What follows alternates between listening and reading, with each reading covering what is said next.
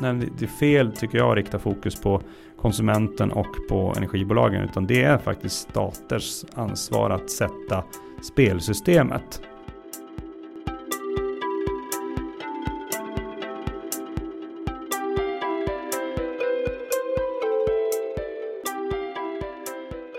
Varmt välkomna på promenad med podden Framtidskraft. Vi befinner oss i Stockholm och det är en typisk disig novemberförmiddag och vi går här och pratar om pengar. Ja, och vi, det är ju du då Karin Bodén och jag Daniel Löfstedt. Ja.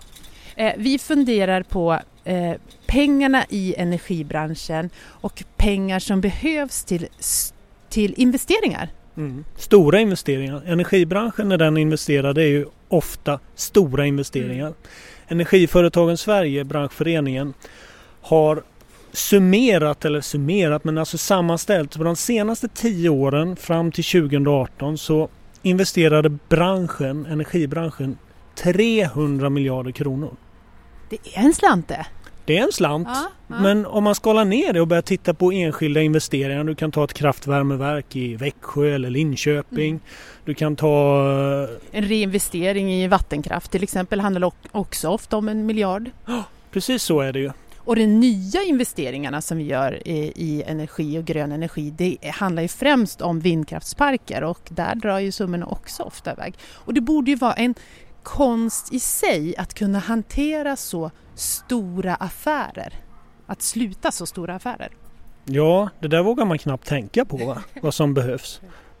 Och ungefär där ringar vi väl in dagens avsnitt av Framtidskraft som kommer att handla om konsten att sluta stora affärer, investeringar i ny grön teknik och framtidens energisystem. Kristoffer Engman heter jag. Jag är någon slags kombination av entreprenör och investerare och författare. Och jag rör mig mestadels runt stora affärer. Eh, jag har skrivit en bok som heter Megadeals som är en global studie. Hållit på i flera år. Lagt alldeles för mycket pengar på det. Men sen så utifrån den kompetensen så investerar jag i eh, gröna bolag och i marknadsföringsbolag. De två sektorerna. Ja. Mm, du nämnde där författare och boken Megadeals. Mm. Då blir man lite nyfiken på vad, vad är det? Var, varför vill du skriva en bok? Ja men exakt. Nej, men, eh, jag byggde och var vd för ett bolag som heter Vendemore och då jobbade vi eh, med marknadsföring kring stora affärer. Och stora affärer görs ofta av stora bolag. Så att vi blev väldigt stora på de största bolagens största affärer som marknadsföringspartner. Så när till exempel ett IBM ska göra en affär med eh, Bank of America till exempel kunde vi vara med som marknadsföringspartner. Ungefär som Obama tar in ett marknadsföringsteam kring en eh, valkampanj. Så vi kom in kring specifika affärer. Och från den positionen och, svagheten i vår affär var att det var jag och en annan kille som kunde köra de workshopparna. Vilket då hade en uppsida förvisso. Nedsidan var att det gick inte att växa nog snabbt egentligen om man ska vara krass. Uh, uppsidan var att jag och den killen har ju kört massor med workshops med stora bolags topppersoner. Mm. Och från den positionen så såg vi ju massor med saker hur Ericsson och Tata och Siemens och Accenture och sådana bolag jobbar med sina största affärer. Eh, och såg en massa saker som eh, jag som nörd inte har läst i någon säljer marknadsbok. Eh, och då började vi fråga de här personerna var står era affärer beskrivna någonstans? Nej, det finns inga böcker som behandlar vår typ av affär. De flesta sälj och marknadsböcker handlar om lite ganska simpla affärer. Eh, och även de som claimar att de går mot lite större affärer gör egentligen inte det. Det var det de sa. Och, och då började vi kolla på Amazon och liknande. Finns det böcker om riktigt stora mångmiljardaffärer? Nej, det gör det inte. Men jag funderar så här, vi kommer ju från energibranschen då främst. Ja. Var, varför, varför pratar vi här med dig om just megadeals? Nej, men det, det, den stora grejen tycker jag, och det är ju en av mina personliga drivkrafter, det är att om nya energiinnovationer. Vi står inför en, jag skulle faktiskt vilja säga att Greta har helt rätt. Det finns säkert en annan som lyssnar här som tycker att det är för, för mycket att ta i. Men vi, det är en klimatkris och eh, vi behöver mycket snabbare få till få ut energiinnovationer Så, så, så, så, eh, en drivkraft för mig är att både skjuta in pengar och den kompetensen i energiinnovationer så att de snabbare händer. Mm. Eh, och, och, där, och det gjorde jag bland annat på, på Climon. Ja, kan du berätta lite mer om Climon? Jag skulle vilja backa tillbaka. Du började här och nämna Climon. Berätta lite mer om resan med Climon och vad det är för företag ja, för den som inte känner till. Thomas och Joakim som grundade Climon knäckte en, en teknisk nöt som ingen har lyckats knäcka. Eh, det har länge funnits teknik som gör el av varmvatten. Men de har endast fungerat för väldigt höga temperaturer. Och ingen i världen hade lyckats göra el av så här ganska varmt vatten. Det vill säga någonstans 80-120 grader. Eller man kan, flera har lyckats göra el av det men med alldeles för låg, låg effekt. Alldeles för låg procentuell konvertering. Eh, och det Thomas och Joakim lyckades med var att göra det här flödet i vakuum. När jag kom in där så, så, eh, så fanns det de, de, första små affärerna och mitt jobb var att eh, med sälj och marknadsteamen driva upp det här till större affärer, till, till fler länder och så vidare. Och då körde vi faktiskt in Megadis-metodiken. För den boken var inte släppt men researchen hade kommit nog långt för att jag skulle kunna ta med det receptet in. Och eh, du tänker mycket mer Obama valkampanj än klassiskt sälj. Mm. Eh, och det har mycket att göra med att i stora affärer som det ofta är i energibranschen. Så är inte nog att det är många personer inom kunden som är med om besluten. Det är dessutom stakeholders, tekniska konsulter. Mm. Det kan vara lokalpolitiker eller regionalpolitiker. Det kan vara olika som jobbar med olika typer av eh, regulations som du behöver få okej okay från. Eh, det kan vara i energibranschen är det ganska många typer av grants som, som du behöver få med på båten. Så, så, att du behöver bedriva marknadsföring och försäljning mot ett ekosystem av aktörer, inte mot en till fem personer. Eh, och, och, det gör att du behöver faktiskt sälja och marknadsföra på ett sätt som passar för det. Mm. Det är egentligen det Megadis boken handlar om. Det här var första gången du klev in i energibranschen va? Ja det var det. Och, ja. och där har du fortsatt jobba? Var, Nej, men jag fick lite blodad tand. Dels det, det, det, som vi gjorde tycker jag var, som var både väldigt intressant och givande och lyckosamt på Climon och som jag sen driver vidare i andra case och själv. Det var att vi la ganska mycket tid på att förstå hela dagens energisystem och i några typiska länder och sen se hur kommer framtidens energisystem att se ut och varför. Och vad är de stora drivkrafterna vilka energislag kommer vinna och varför och så vidare. Och den holistiska bilden är, är, det är en ganska bra karta. Att hela tiden ligga och iterera och vässa. Eh, eh, och den har jag nytta kommunikativt av och mm. även i investeringar och i olika case. Och, och vart har den här holistiska bilden tagit dig då? Vad har du gjort? Nej, men så, så, ja, men dels har jag fortsatt vara eh, talare i olika, på olika energikonferenser och så vidare. Men sen så bland annat har jag investerat i Pumped Hydro Storage som, som eh, lead investor som det så fint heter. Eh, det vill säga största investerare där och där bygger vi eh, energilager eller batterier kan man kalla det i uttjänta gruvor. Och, och skälet till att jag tror väldigt mycket på det caset är dels att det är helt kemikaliefritt. Sen nyttjar det en resurs som redan finns. Det, och folk tror att det finns knappt några uttjänta gruvor. Nej, det finns flera tusen per land. Eh, det finns väldigt många av dem. Eh, Med hjälp av vatten då? Alltså? Ja, alltså du, du, du, det du gör är att när du har överskottsel så pumpar du upp vatten i de övre gångarna. En gruva ser ut som nästan som ett lägenhetssystem. Du har ett schakt som är hissen. Mm. Där går det ett, ett schakt rakt ner. Sen har du gångar som ser ut som eh, korridorerna i ett lägenhetskomplex. Och i de här korridorerna så, så då kan du pumpa vatten upp i de övre korridorerna eh, när det finns överskottsel och sen så släpper du ner det när det finns underskottsel. Men du kan också, så du, det gör att du kan flytta eh, energin några timmar framåt i tiden. Men du kan också använda det som frekvensreglering, det vill säga med dagens, dagens eh, pumpar och turbiner så kan du mycket snabbare än vad du kan i da, de traditionella dammarna slå på av det här vattenflödet. Vilket gör att du, du kan reagerar väldigt snabbt på frekvensstörningar i nätet. Så då kan du ligga både som en lagringsenhet och som en frekvensreglerare. Hur stor kapacitet skulle du bedöma att det här har? Nej men det, det kan, alltså, så här kan man säga, och det här är ganska intressant, det vet nästan ingen. 95% av all världens energilagring är redan pumpkraft. Fast byggs i traditionella, eller har byggts i traditionella dammar. Alltså motsvarande vattenfalls och liknande dammar.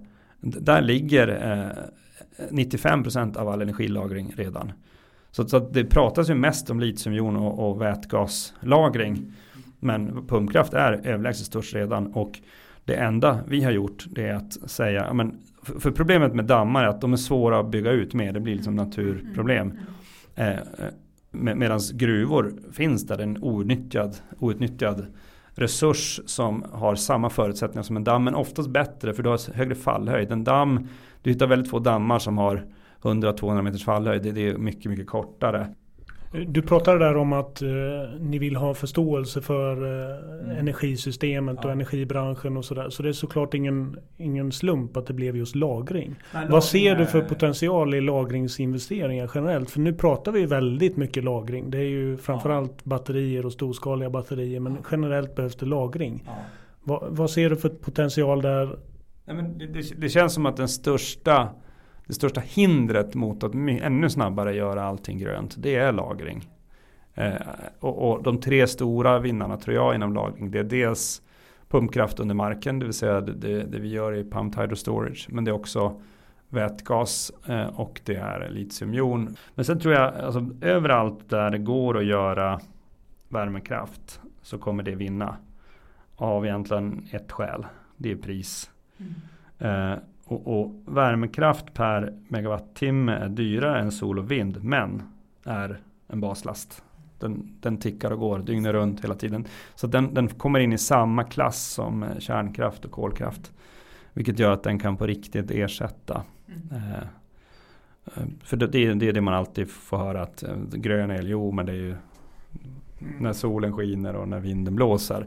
Men, men medan värmekraften är, går ju dygnet runt oavsett mm. hela tiden. Samma last. Och vilket då att du kan Så att om man tänker sig, ni känner till den här duck curve. Om man tar över dygnet då från midnatt till midnatt så har du en puckel på morgonen och ännu större puckel på kvällen.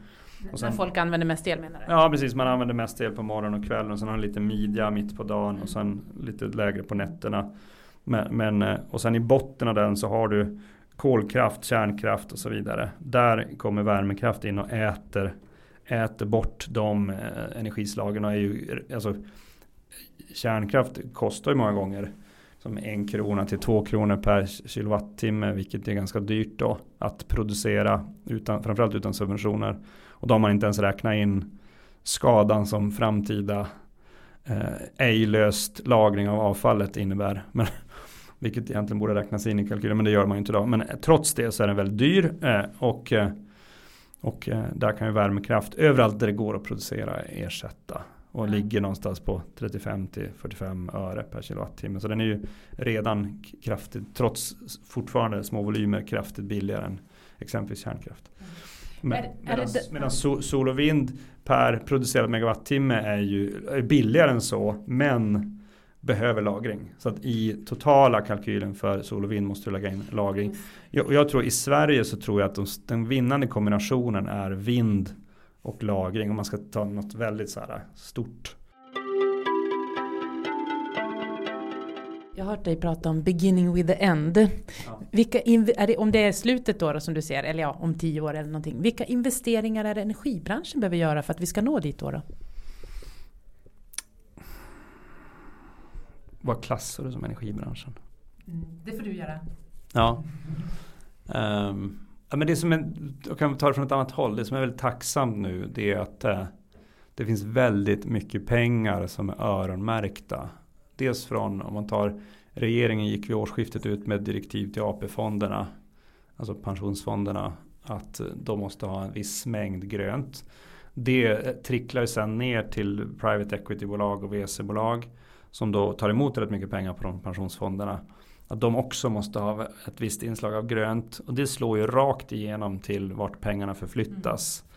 Så att kostnaden för, alltså cost of capital som det heter på engelska, eller kostnaden för kapitalet krymper just nu för gröna satsningar och det finns väldigt god tillgång på kapitalet.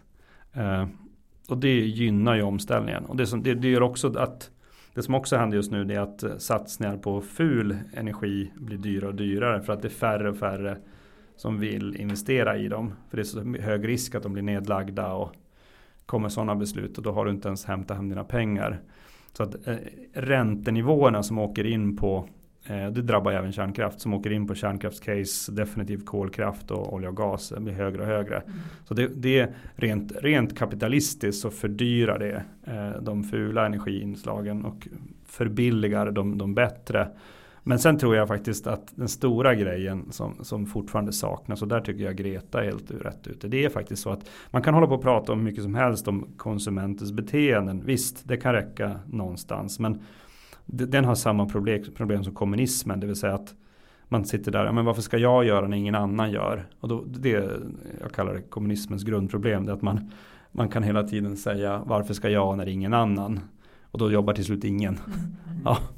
Medans, eh, men, men där tror jag att regeringen måste sätta ner foten och kraftigt beskatta fel energislag och, och istället eh, grön, växla med, med grön skatteväxling växla in dem i subventioner till de bättre för att skynda på omställningen. Eh, så att med, med lagstiftning och, och incitament. Är det statens agerande som är avgörande för hur mycket investeringar som energisektorn kommer få tror du? Finns det andra spår som där vi kan hitta vägar fram för att få in dem, den typen av investeringar. Jag tror så här. Konsumenten sätter i slutändan press på hur deras pengar investeras. Eh, vilket gör att fler och fler investerare blir grönare. Och det är ju en ren kapitalistisk rörelse. Men parallellt så tror jag att regeringar måste våga eh, snabbare sätta ner foten. Annars, jag tror faktiskt att det kommer gå riktigt illa annars. Energibranschen som bransch brukar också få kritik för att vara för långsamma under sådana här omställningsfaser bland annat. Vad är din syn? Alltså, jag vet inte, jag tror jag har en mildare syn på det. Det är ju eh, ett energibolag rör sig under eh, de kapitalistiska regler som finns. Eh, och finns, finns där för att tjäna pengar.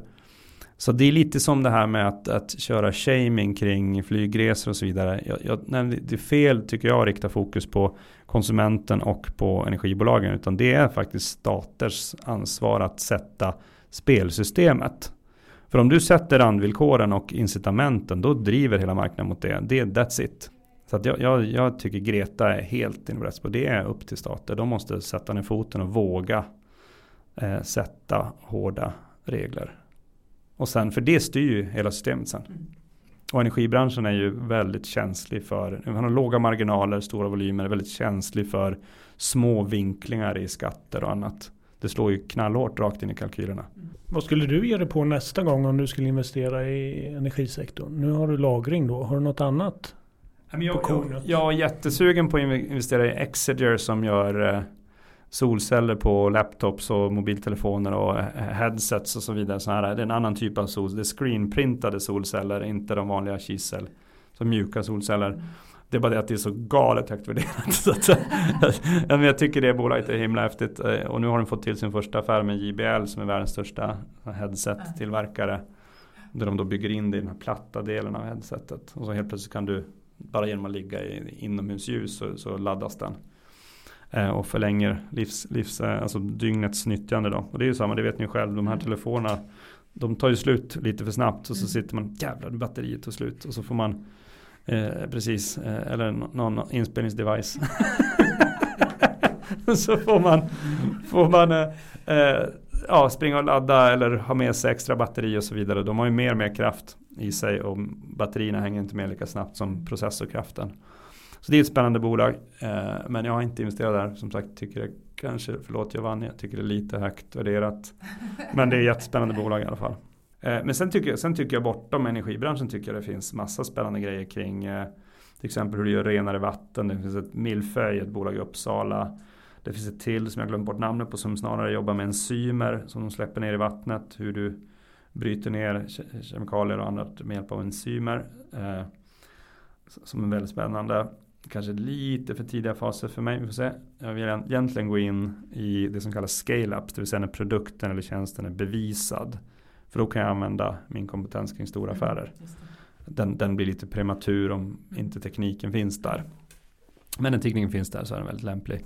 Eh, och sen så um, Sen så tycker jag även Renewcell är jättespännande. Det har inte med energi att göra, men, men eh, bomull är en riktig vattentjuv runt om i världen och också förstör natur det blir, marken blir obruklig eh, efter ett tag och så vidare. Och Renewcell backar eh, bomullskläder till bomullsfibrer så att du kan cirkulera tillbaka nyttjade kläder in i nya kläder. Det är jättespännande. De vinner massa priser och H&M gick in som investerare precis. Och det är väldigt spännande bolag. Ska man tolka din drivkraft att den ligger i hållbarhet eller vad är din drivkraft? Ja, men inte bara, men, men den är, jag, jag, jag lägger mitt fokus på två. Dels allting cirkulerar kring större affärer. Marknadsföring, försäljning, sociala medier och så vidare kring större affärer. Men sen tillämpar jag den på marknadsföringscase som är min nördiga sida. Där jag egentligen har djupast kompetens. Men sen fördelen är att inom nya energicase och egentligen allt cirkulärt så finns det ett enormt behov av den marknads och säljkompetensen. Så, så, och sen så kan jag nog mycket om energi och cirkulärt jag är ju ingen superexpert på varenda teknik. Men, eh, men i, jag försöker angripa det holistiskt. Vilket, eh, vilket faktiskt för få gör. De, de, flesta kan jättemycket om en grej och så förstår de inte systemet. Det är jättemånga som förstår systemet. Jag ska, det, det kan någon blir upprörd som lyssnar på det här, det är inte det. Men, men, men jag, jag, går, jag, tittar på, jag tittar på energimarknaden från ett makroperspektiv och ser vad behöver du ligga på för megawattimme-priser? Vad behöver du? Var blir toppar och dalar och hur, liksom, hur kommer sannolikt nästa generations totalsystem se ut? Och det, det är liksom, tycker jag tycker det är ganska kul att angripa branscher från ett makroperspektiv. Och sen gräva sig djupare och djupare och djupare ner i de mest intressanta grejerna. En sista fråga då. Eh, vi har pratat om vart energifrågan befinner sig om tio år. Vart befinner du dig om tio år? Eh, jag, tror att, eh, det, jag tror att jag hittar min formel. Eh, om tio år så kanske ni slår mig i huvudet och säger att jag hade fel. Men, men jag tror jag hittar min formel och det är att fortsätta och förädla kompetensen kring megadeals eh, med alla nya grejer som kommer in där och så vidare. Eh, investera i marknadsföringskoncept och eh, cirkulära koncept med en övervikt på energi. Eh, men, det finns ett tillägg som jag tror nog kommer finnas då och det är att eh, eh så här, vi som driver frågan kring Megadis får redan förfrågningar kring om vi kan gå in och coacha eh, kring de största affärerna. Inte bara sprida den kompetensen utan faktiskt vara med i bakgrunden. Eh, och, och, vi har redan sådana diskussioner. Och då, för då kan vi inte bara skjuta in kompetensen, om vi nu pratar till exempel energitillämpningar, kompetensen kring större affärer. Vi kan också faktiskt gå med och i bakgrunden hjälpa till att göra de stora affärerna så att det går ännu snabbare. Vilket är bra för världen och också monetärt trevligt för oss. faktiskt. Win-win. Tusen tack för att du var med här i podden ja. Framtidskraft. Ja. Tack, jättekul.